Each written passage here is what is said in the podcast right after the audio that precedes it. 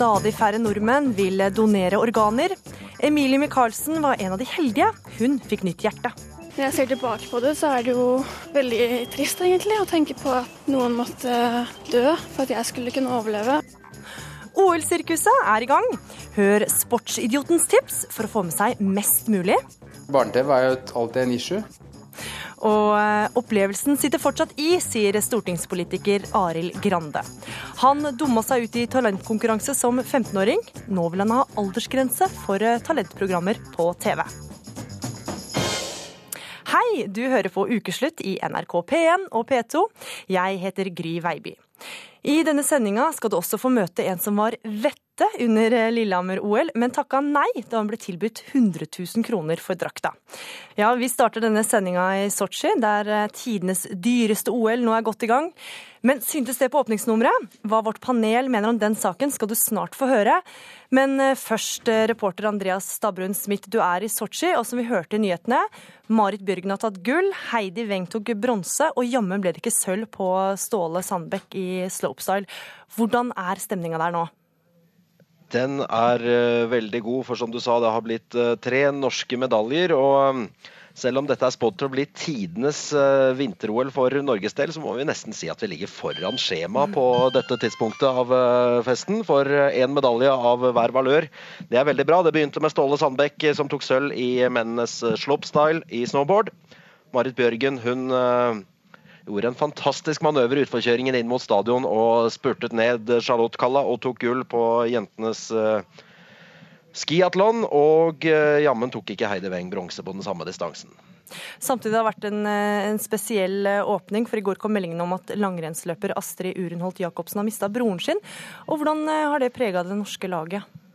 Det er klart at det har satt et veldig preg på det norske laget, og særlig på på jentelaget i langrenn som eh, jo skulle ut og gå i dag. og De fire jentene som gikk, de stilte med sørgebånd, og vi kunne tydelig se etter løpet at det hadde vært en spesiell dag for dem. Både Marit Bjørgen og Heide Weng felte sine tårer på pallen, og det var eh, en litt annen eh, stemning enn vi er vant til når, når Norge vinner gull. Og Astrid Urnholt Jacobsen hun har vært på Twitter og tvitret at at eh, hun takker så utrolig for støtten fra de andre jentene og sier at dere er min styrke i tykt og tynt. Så det er en eh, dag med mye følelser her i Sotsji også. Mm.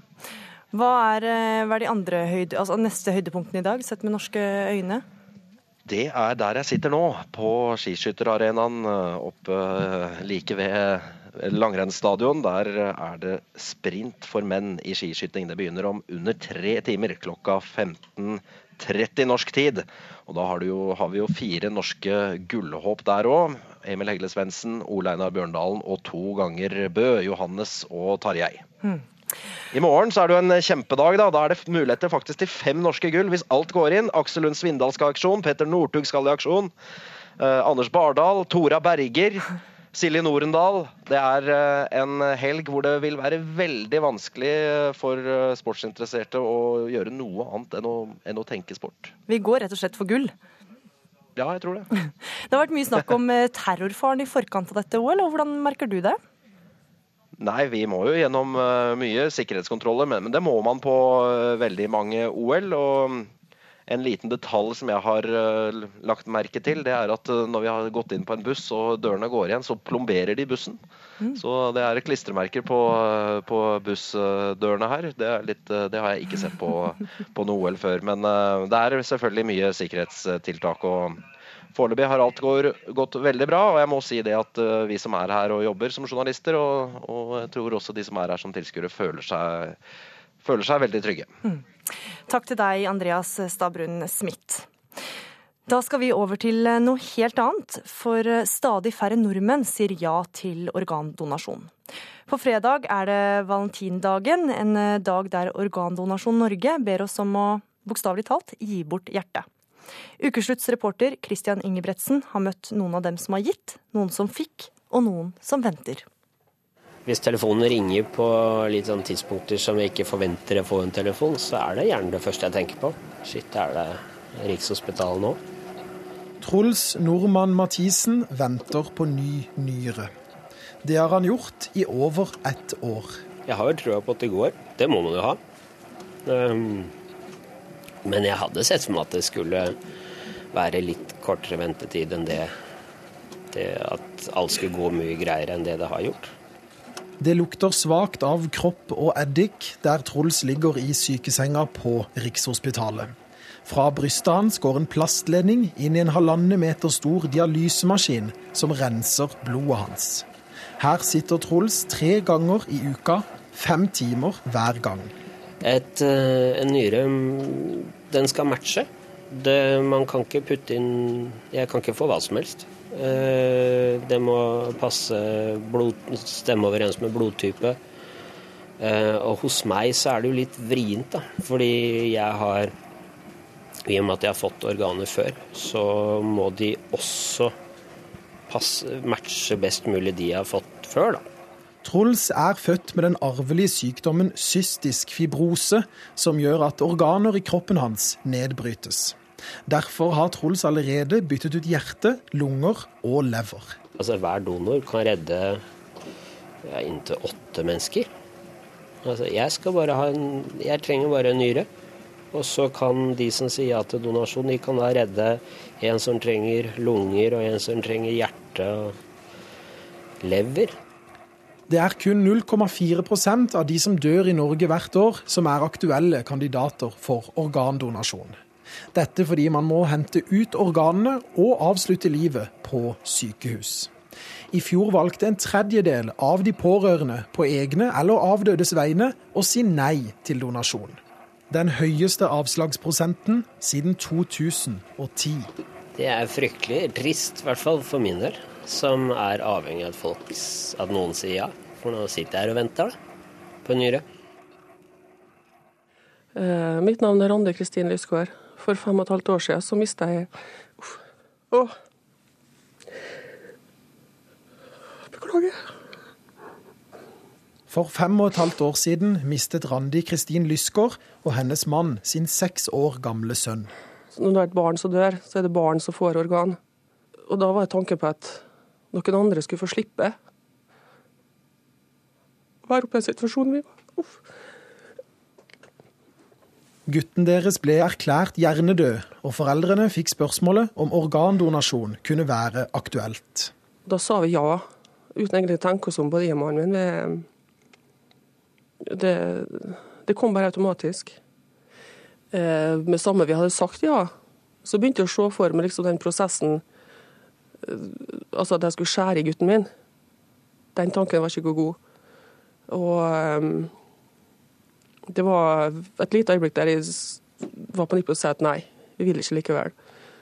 Eh, men eh, vi, vi, sa nå ikke nei, vi, sa, vi fortsatte å si ja, at dette skal vi gjøre.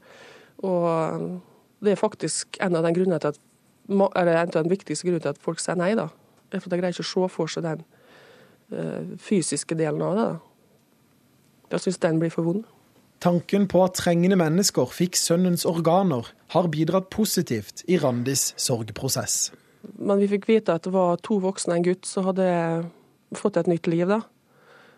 Og spesielt tanken på den gutten har um, Eh, akkurat den tanken har gjort meg godt.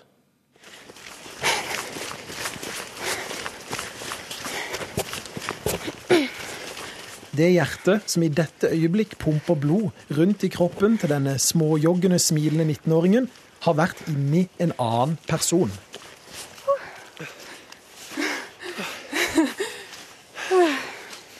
Når jeg ser tilbake på det, så er det jo veldig trist egentlig å tenke på at noen måtte dø for at jeg skulle kunne overleve. Og det er jo Jeg tenker jo mye på det nå. Emilie Michaelsen ble født med en hjertefeil. Da hun var åtte år, fikk hun beskjed om at hun trengte et nytt hjerte for å overleve.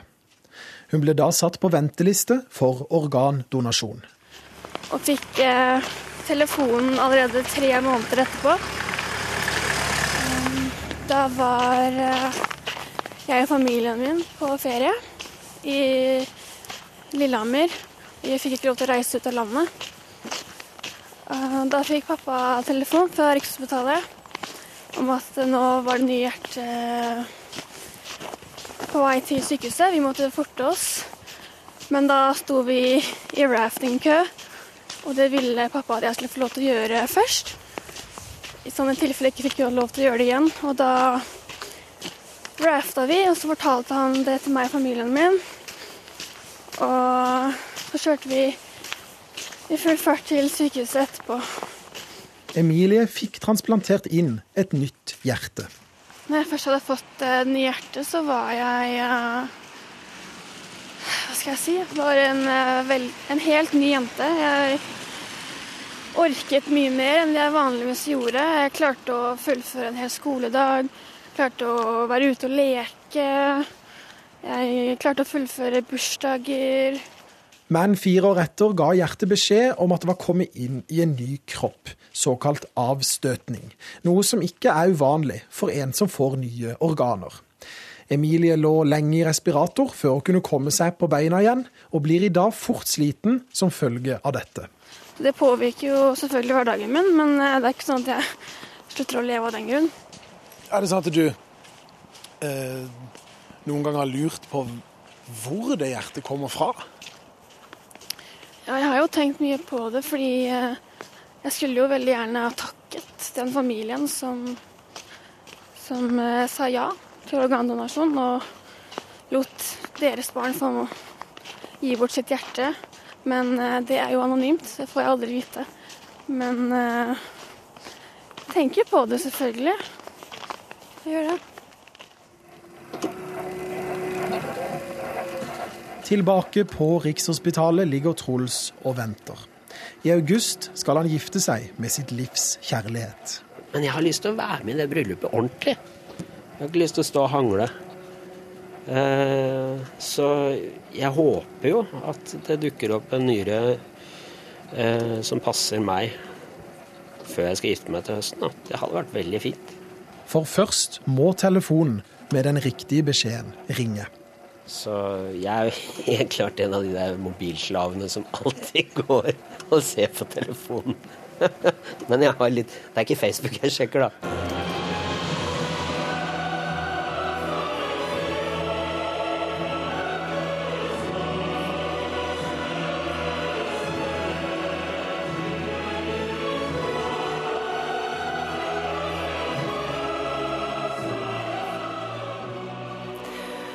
Sånn hørtes det ut da OL åpna i Sotsji i går kveld. Lyden er henta fra TV 2.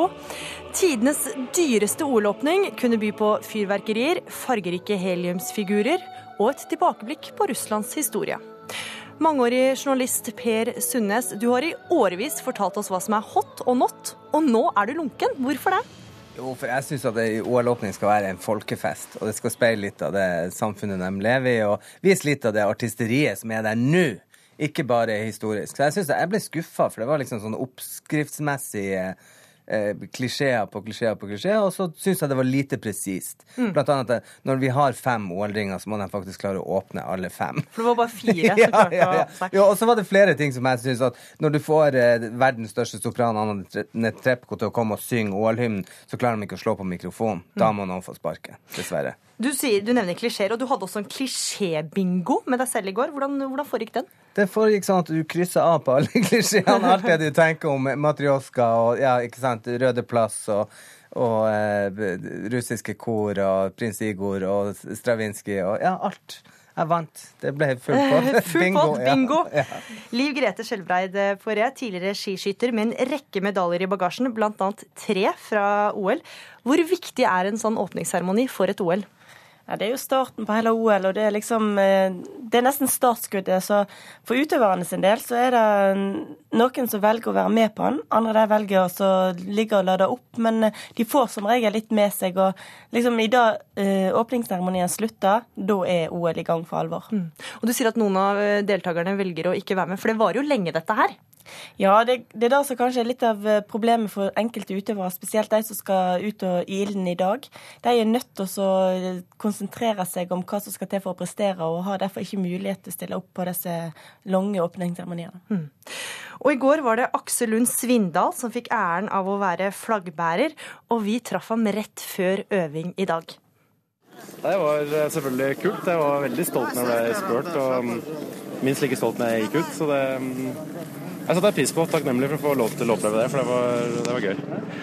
Fantastiske bilder på TV. Hvordan var det der nede? Det var kult. Eh, høydepunktet Altså, det var veldig kult å gå ut i stadion. Eh, det var jo, Vi begynte jo under jorda, og plutselig var det bare midt inni der.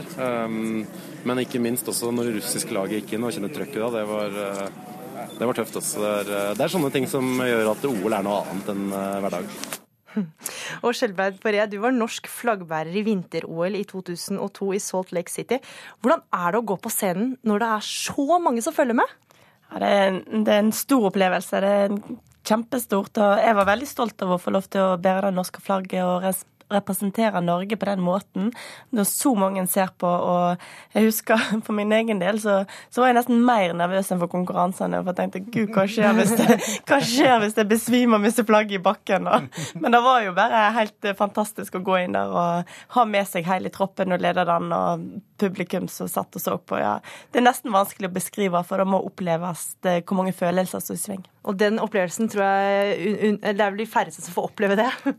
Men hvordan, hvor mye måtte du øve i forkant? Eh, nei, altså jeg kom jo Som sagt, disse åpningsseremoniene er jo ganske lenge, så jeg kom jo kjørende inn i bil og bare mm, fett liksom på med dette beltet. For jeg, jeg tørde ikke gå bedre bære flagget sånn som jeg så Aksel gjorde i går. Gikk og sveiva med det med ei hånd, liksom. Jeg hadde jo da belte på det. Jeg tror det blir litt lettere flaggene siden du bærte det. Ja, det tror jeg òg. Jeg tror det flagget jeg hadde, var veldig tungt. Mm.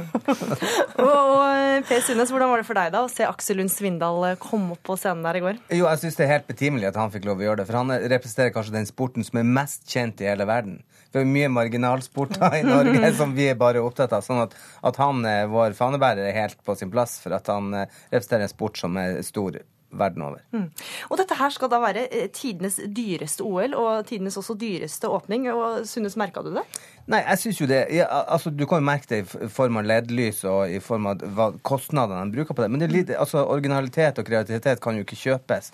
Og det så vi også i Eurovision. Når de fikk det, så var de liksom Da hadde de VM i LED-lys og mm. store skjermer og sånn. Men det er jo innholdet som skal gjøre det. Og der ble jeg litt skuffa. Jeg trodde at de med en sånn sterk kulturarv skulle ha klart å gjort noe mer enn ja, standardoppsettet på, på EU. Det så ut som en åtteåring skulle ha fått laga ei OL-åpning. Det har jo vært eh, stort fokus på bruddet på menneskerettigheter i forkant av OL. Hva, hva tror dere oppmerksomheten i det lange løp? Altså, hva vil det føre til i det lange løp? Ja, det er jo det er vanskelig å si, men det mm. blir jo sett et fokus på det. Og det mm. blir jo eh, folk, flere folk som setter, legger merke til det og setter seg opp sin egen mening om det. Så jeg tror jo kanskje at det kan bli en positiv effekt på sikt. Og et OL er stort. Et OL er noe positivt så alle nasjonene samler seg om og er med på å konkurrere. Og du ser jo mm du ser jo liksom Det blir et samhold mellom, eller på tvers av landene, da. Så jeg, mm. jeg syns det er positivt. Mm. Jeg ser jo bare sånn som for homosaken. så i dag er det en markering klokka fire på The Thief nettopp pga. dette. Og det ville ikke ha skjedd hvis det ikke hadde vært for Putin satte dette på dagsorden. Sånn at det er jo, jeg tror det får litt motsatt effekt av det de hadde håpa. Mm. Du kaller rett og slett OL for en homoparade, du? Ja, det er jo aldri så mye paljetter og glitter og trange trikoter. Og, ikke sant? Husk nå hvordan det begynte i Hellas. Denne uka har det også vært veldig mye snakk om det å se OL i arbeidstida, og om menn som sykmelder seg for å få sett eh, sendingene. Lørdag. Ishockey Sverige-Sveits, ishockey Canada-Slovakia klokka to på natta. Ja, det må jeg si. og for fire år siden så traff uh, ukeslutts uh, sportsidioten Tim Victor Bennett, som tok seg fri for å se OL i Vancouver. Middag for uh, min samboer stå for, så hvordan hun gjør det, det er ikke mitt problem. Ja, for hun bare lage, fikse, og, så skal jeg spise, og så får hun rydde bort etterpå. Er det deres eh, første OL sammen? Ja, det blir det. Første og siste, kanskje. Men det ble ikke det siste, for han er fortsatt gift. Og her er eh, Tim Victor Bennets råd for å få sett mest mulig, også når man har barn. Barne-TV er jo alltid en issue, så da det løser jeg ved at jeg faktisk snakker med guttungen på forhånd. Får han litt interessert i det jeg skal se på. Så når han kommer til barne-TV, så vil han da automatisk da si at jeg skal se på ishockey sammen med Team. Ferdig. Det funker. Det har vi prøvd før, så det vet jeg funker. Skjelbreid Forre, du har tre jenter hjemme. Hvordan eh, tror du Teams tips virker på dem? Eh, Det har jeg prøvd. Altså, det funker ikke særlig bra med tre jenter. Det, det er litt mer eh, Justin Bieber og One Direction som er inn der for øyeblikket hos meg. Jeg prøver så godt jeg kan. Det er bare å sende deg på rommet og se på One Direction, så får du gjøre det du vet. Det er akkurat det jeg gjør. Det, det, slo, det slo meg i morges at, at eh, jeg lurte på liksom hvordan det skulle ta Nå har vi fått tre medaljer, ikke sant? Og hvordan resultat fikk det for meg? Jo, det er at jeg har radioen på på badet, og så har jeg OL-sendinga på på soverommet og i, eh, i stua, sånn at jeg kan gå imellom og være fullstendig dekka i OL hele tida. Men klarer du fortsatt å jobbe, Sundnes? Ja, ja, ja. Så du er ikke en av dem som sykemelder seg for å følge med på OL? Nei, det gidder jeg ikke. Og det er jo nett-TV, og du kan jo se ting i opptak, og jeg liker godt sånne oppsummeringer. Så. Ja. Takk for at dere var med i Ukeslutt, Liv Grete Skjelbreid Poré og Per Sundnes. Du hører på Ukeslutt i NRK P1 og P2, og det må du fortsette med. 20 år siden Lillehammer-OL. Vi traff Vetten som ble tilbudt 100 000 kroner for drakta, men mammaen sa nei. Og skal det være forbud mot å omskjære gutter? Da skal vi til talentkonkurranser for barn. Jeg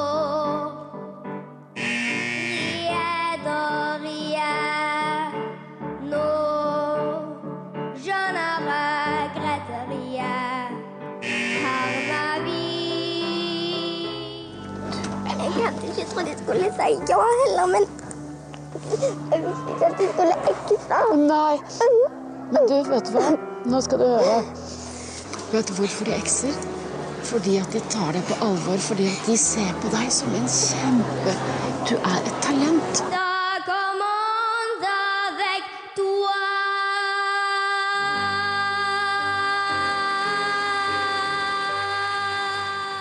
Oppløst i tårer forlater en 11 år gammel jente scenen etter å ha blitt stemt ut av TV-programmet Norske talenter på TV 2. Og en av dem som har reagert på hvordan barn blir framstilt på TV i beste sendetid, hører du her.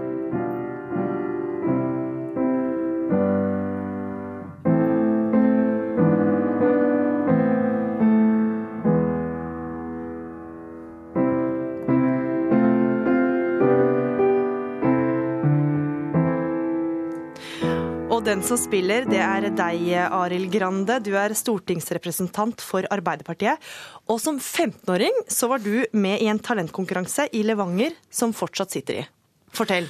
Ja, det er riktig det. Jeg var jo ung og ville gjerne vise fram hva jeg hadde å by på, og meldte meg på en talentkonkurranse i Nord-Trøndelag. Og en veldig uskyldig, åpen og inkluderende konkurranse. Eh, Men eh, som mange kanskje opplever, så ble jeg eh, veldig nervøs akkurat når jeg skulle prestere, mm. og spilte feil og måtte begynne på nytt igjen. Og det er i og for seg ikke noe galt med det, men den opplevelsen av å ikke strekke til, ikke klare å prestere så godt som en ønska, og det å skuffe læreren sin og folk som hørte på, det sitter i. Og det ble også kommentert fra dommerne, og da ble det en, en vond opplevelse. Det gikk bra med meg, for det var såpass uskyldig, men jeg kan bare tenke meg hvordan det er for unger som opplever sånt når de er på nasjonal TV. Det tror jeg kan skape et sår som sitter i, i svært, svært lang tid. Mm. Og til Vårt Land så sier du at du vil ha en aldersgrense for barns deltakelse i talentprogrammer. Jeg mener i hvert fall at eh, TV-bransjen bør vurdere å ha kjøreregler for hvordan de For det første, om det bør være nedre aldersgrense. Eh, Vi har hørt barnepsykologer sagt at eh, unger i 12-11-årsalderen er for unge til å forstå rekkevidden av hva de er med på. Eh, Og det eh, kan bli veldig vanskelig for dem å leve med det eh, til evig tid, for dette ligger på internett. Dette kan de se senere. Eh, Og det er eh, noe som jeg mener bransjen må gjøre. Men i tillegg til det så må man i hvert fall sørge for at når man har deltakere som er unge, så må de få god oppfølging eh, både før, under og særlig etterpå. Assisterende kommunikasjonssjef i TV 2, Bjarne Låstad. Hva, hva tenker du om en aldersgrense for talentprogrammer? Altså, Vi har jo aldersgrense, nedre aldersgrense på andre talentprogrammer som er litt mer voksne, altså Idol og, og The Voice. Men i Norske Talenter så er det deltakere i alle aldre. Hvorfor er det det? Altså, Norske Talenter er et annet type program. Det er, et, det er et, et, på en måte i, i større grad en lek. Det er positivitet, det er familiehygge. Og selv om det da selvfølgelig også i Norske Talenter er noen som får et avslag på, på veien, så er fokuset på det positive. 80% av, av den tilbakemeldingen som deltakerne får, er positivt, med, med, fokus på hvor tøffe de har vært, hvor imponerende de har, uh, har, vært, og hva de kan jobbe videre med, og at de må fortsette å synge og de får noen råd på veien. Uh, så, så, så det, det, er et positivt uh, fokus. Her gir vi barn en scene på likhet med, med voksne. Vi, viser dem respekt, vi tar dem på alvor. Eh, og, og mener at dette, dette, skal gå dette går veldig fint. Vi, tar jo godt vare på de underveis, både i forkant, underveis og, og i etterkant, eh, som, som, Grande etterlyser. Ja, Grande, er du litt hårsår? Er ikke dette bare uskyldig helgeunderholdning? Jo, jeg er jo veldig for at unger skal få slippe til å vise talentet sitt. Eh, og Derfor har vi bl.a. ungdommens kulturmønstring. Vi har kulturskoler som jevnlig har konserter. Vi har eh, også gode show på TV som eh, gir unger mulighet til å vise fram talentet sitt. Det jeg reagerer på her, er jo at du får en X mens du opptrer. Og Det er ikke noe som er så fantastisk som å se unger stå på en scene når det gnistrer av øynene deres når de lykkes. Men det er heller ingenting som er så vondt som å se på et barn som får en sånn X. Eh, se på hva som skjer i blikket deres, se på hvordan reaksjonen er. Og Låstad, her har dere jo deltakere i alle aldre. Er det riktig da å behandle en 11-åring på lik linje som en 30-åring, at de blir stemt ut midt under sangen eller det de holder på med? Ja, Vi mener jo at, når, eh, at, at, at alle deltakerne som er med, eh, skal bli behandla med respekt og bli tatt på alvor. og Det innebærer jo en, en form for at de må behandles likt. Men det er klart at dommerne tar jo utgangspunkt i, de, i den deltakeren som til enhver tid, tid står foran de.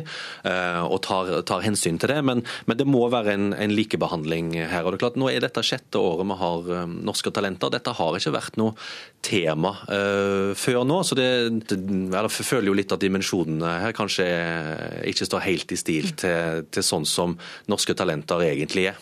Ja, Grande, Her er det et program som har gått lenge på, på lufta. og TV-kanalene, Hvorfor er det de som skal sette aldersgrense, og ikke foreldrene som skal uh, si nei til barna sine? Jeg tror Grunnen til at vi får en debatt nå, er at vi ser en utvikling hvor det blir konkurranse om å lage stadig mer spektakulær TV. Og En del av konseptet her er åpenbart at man skal stemme ut folk. og Det skal bli reaksjoner. Det skal bli både latter, eh, moro, men også tårer.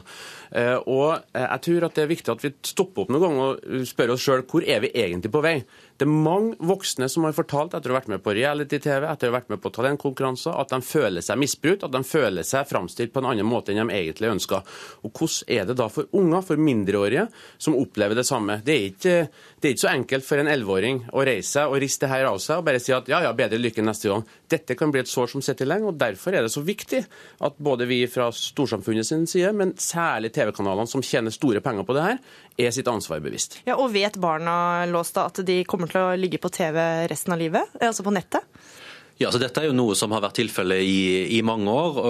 og vi, vi, forteller jo barn og voksne, altså alle deltakere, hva de, hva de er med på. Så, så, det skal ikke være noen overraskelser rundt Norske Talenter. Vi har ingen hemmeligheter i, i så måte. Men forstår barn det, tror du?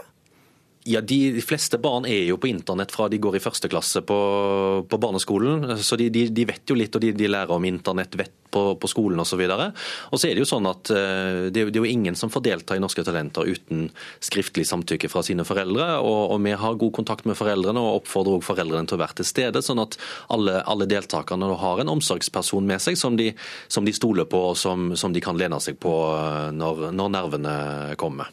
Grande, etter talentkonkurransen i Levanger så tok du organistutdanning og jobba som organist. Så du kan jo ikke ha tatt så skade av konkurransen du var med på? Nei da, og det var en veldig uskyldig konkurranse, og det gikk eh, helt strålende, det. Eh, problemet er at, eh, og grunnen til at jeg nevner det, er at i en så uskyldig konkurranse, så er det likevel som et vondt minne som sitter fast i forhold til at man ikke strakk til. Takk til deg, Arild Grande fra Arbeiderpartiet og Bjarne Låstad fra TV 2. Først sa han nei, så sa han ja.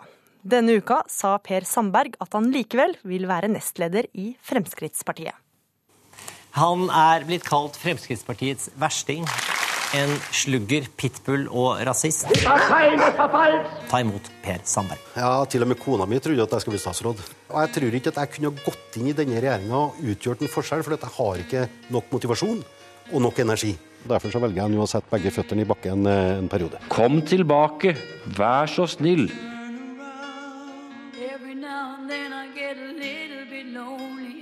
Jeg har sett at han vil gi beskjed om dette på mandag.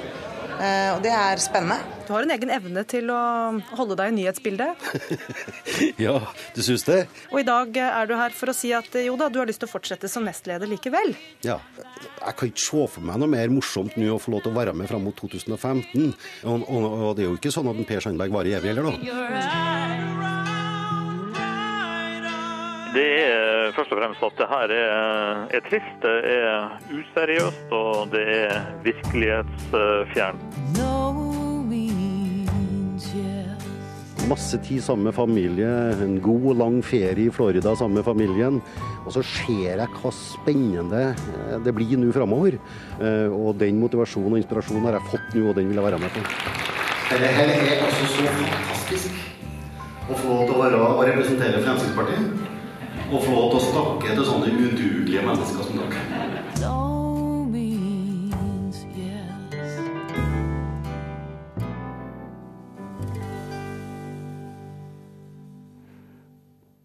Og det var Helgar Torgevær som hadde lagd denne montasjen. Denne uka kom forslaget om at omskjæring av gutter bør straffes like hardt som omskjæring av jenter. Forslaget kom fra Senterpartiet, som vil at det skal være forbud mot også å omskjære gutter. Og Susanne Aabel, du er journalist, blogger og jøde. Du mener det å forby omskjæring av gutter er som å gjeninnføre en utvidet jødeparagraf. Det må du forklare. Ja, på mange måter så blir det sånn, fordi det vil ikke være gjennomførbart å føde jødiske guttebarn eh, hvis du er religiøs i Norge. Hvis ikke du kan få omskjære sønnen din, så vil han ikke være jødisk. Og muslimene omskjærer litt senere, de kan, også, de kan jo vente noen år til og med, men ifølge jødisk eh, tradisjon og kultur så må du omskjære sønnen din på den åttende dagen. Mm. Og hvis eh, det blir forbudt, så vil det bli et svartemarked, rett og slett, for, for omskjæring av gutter. Og jeg har ingen tro på at det vil være noe bedre. Mm.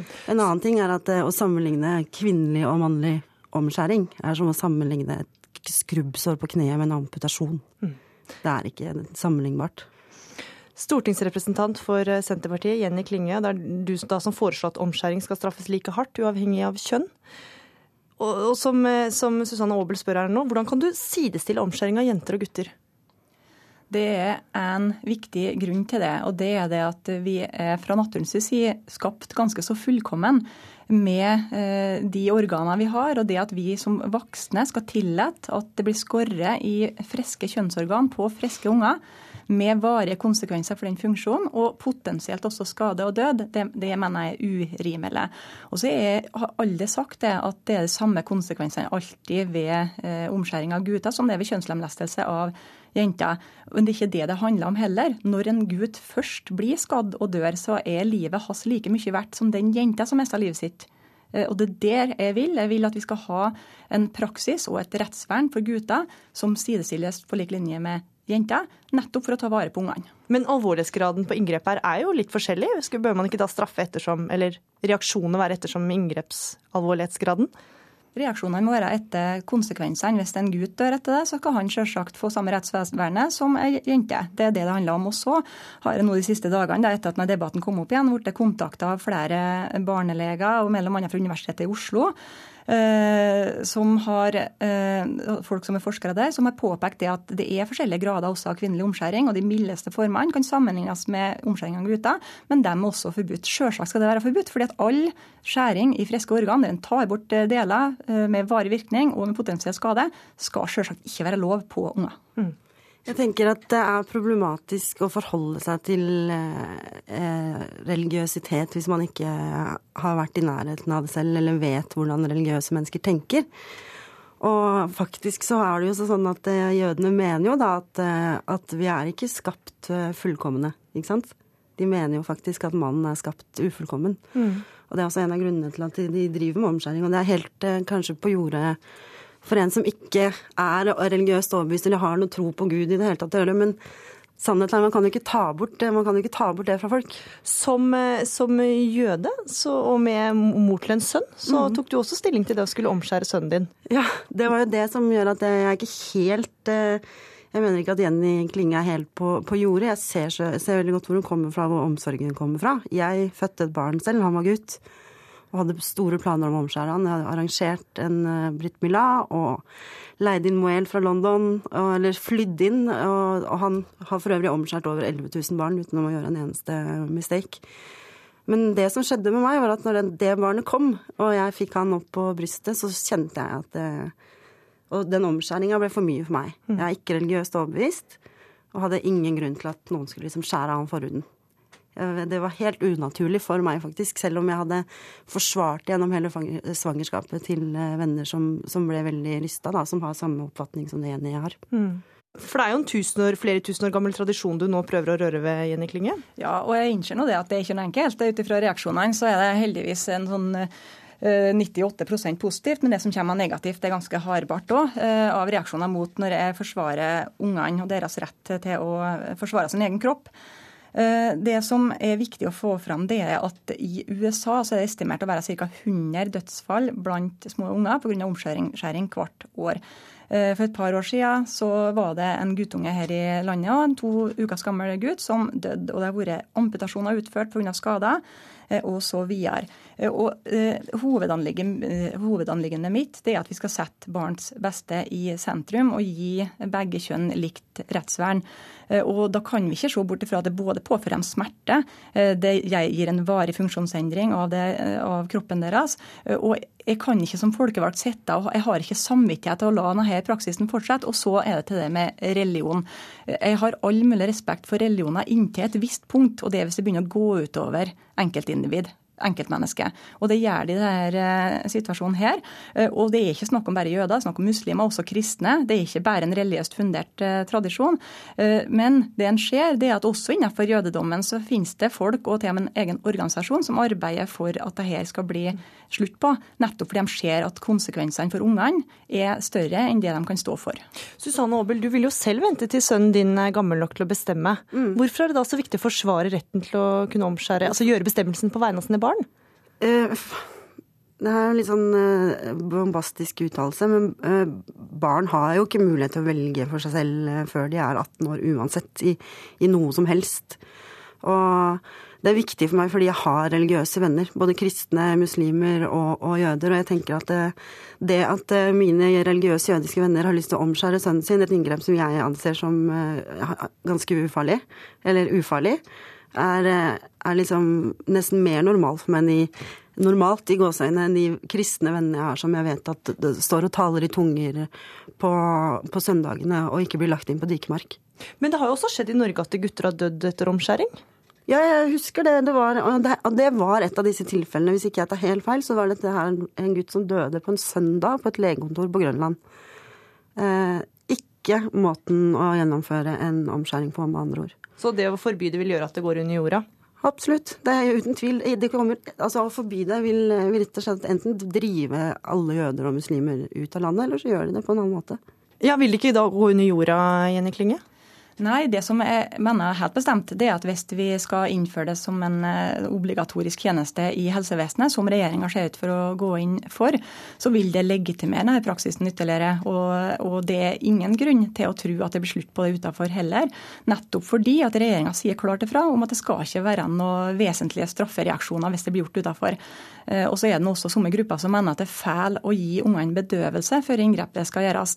Eh, og de ønsker ikke at det skal gjøres i helsevesenet, nettopp fordi at der blir det pålagt bedøvelse. Lenger enn det her kommer vi ikke, men tusen takk for at dere kunne være med i Ukeslutt. Tusen takk for at vi fikk komme.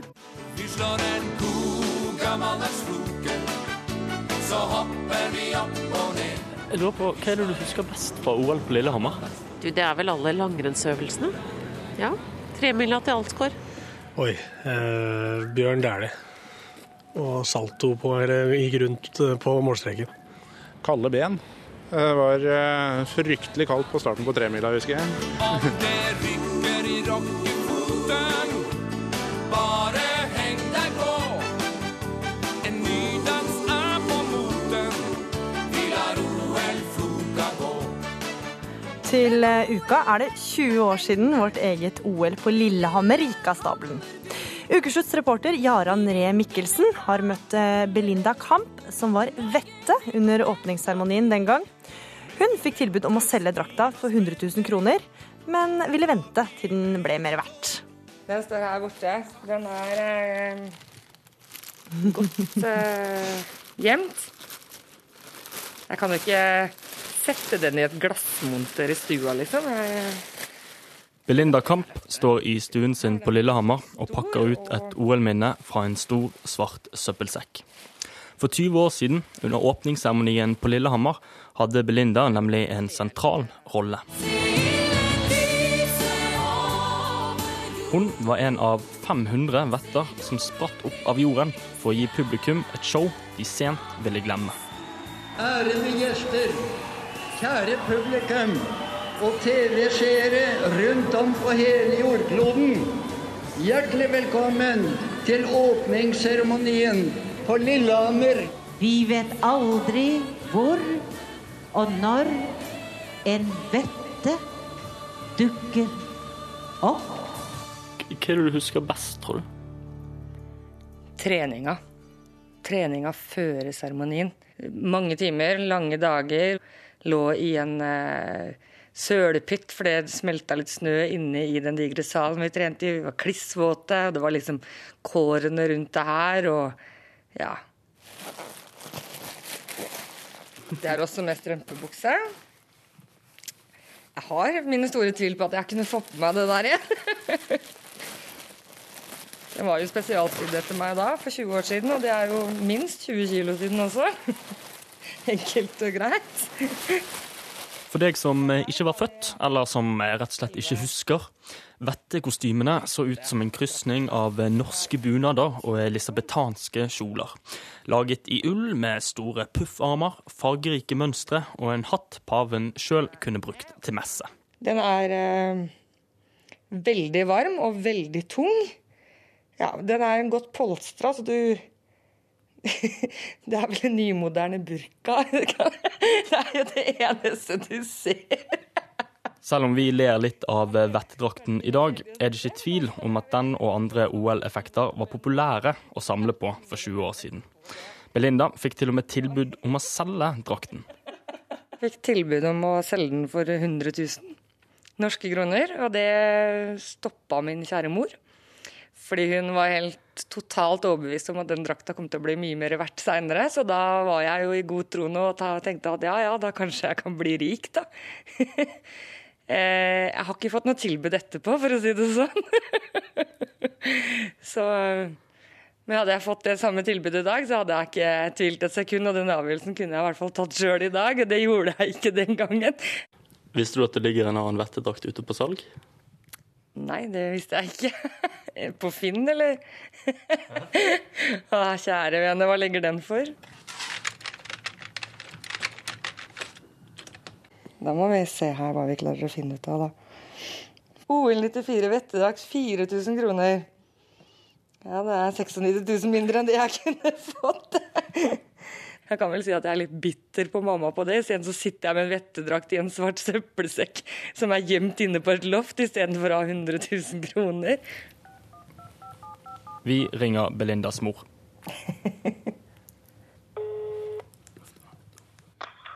Ja. Hei, det er Belinda. Nei, er det deg? Ja. Eh, jeg har deg på høyttaler, for jeg har intervju med NRK. Så De lurte på om vi kunne ringe deg i forbindelse med vettedrakta mi. Tenk hvis vi hadde fått 100 000 for den den gangen. Det hadde vi ikke, for da hadde jeg slått til med. Nei da, men det var ikke noe stor sum. Så, eh, så det, for det var liksom dette der at aldri i livet, dette minnet der selger du ikke for den prisen der, i alle fall. Nei. Nei, men det er greit. Greit, da. Da snakkes vi. Jo. Ha det. Min kjære mor har fortrengt det der, for hun har fått høre det mange ganger etterpå, at hvorfor i pip solgte vi ikke den vettedrakta? Hun bare benekter det, hun. Ja, hun husker ikke, du hører det sjøl. hun husker ikke helt hvordan det var. Men det husker jeg, for jeg var sint. Men nå i dag så vil ikke Nei, hun husker ikke det. Du hører jo sjøl hvordan hun sier det. Ja ja. Sånn er det. Ja, ja. Ja ja. Jeg har jo minnet, da. Jeg har jo etterdrakta mi ennå.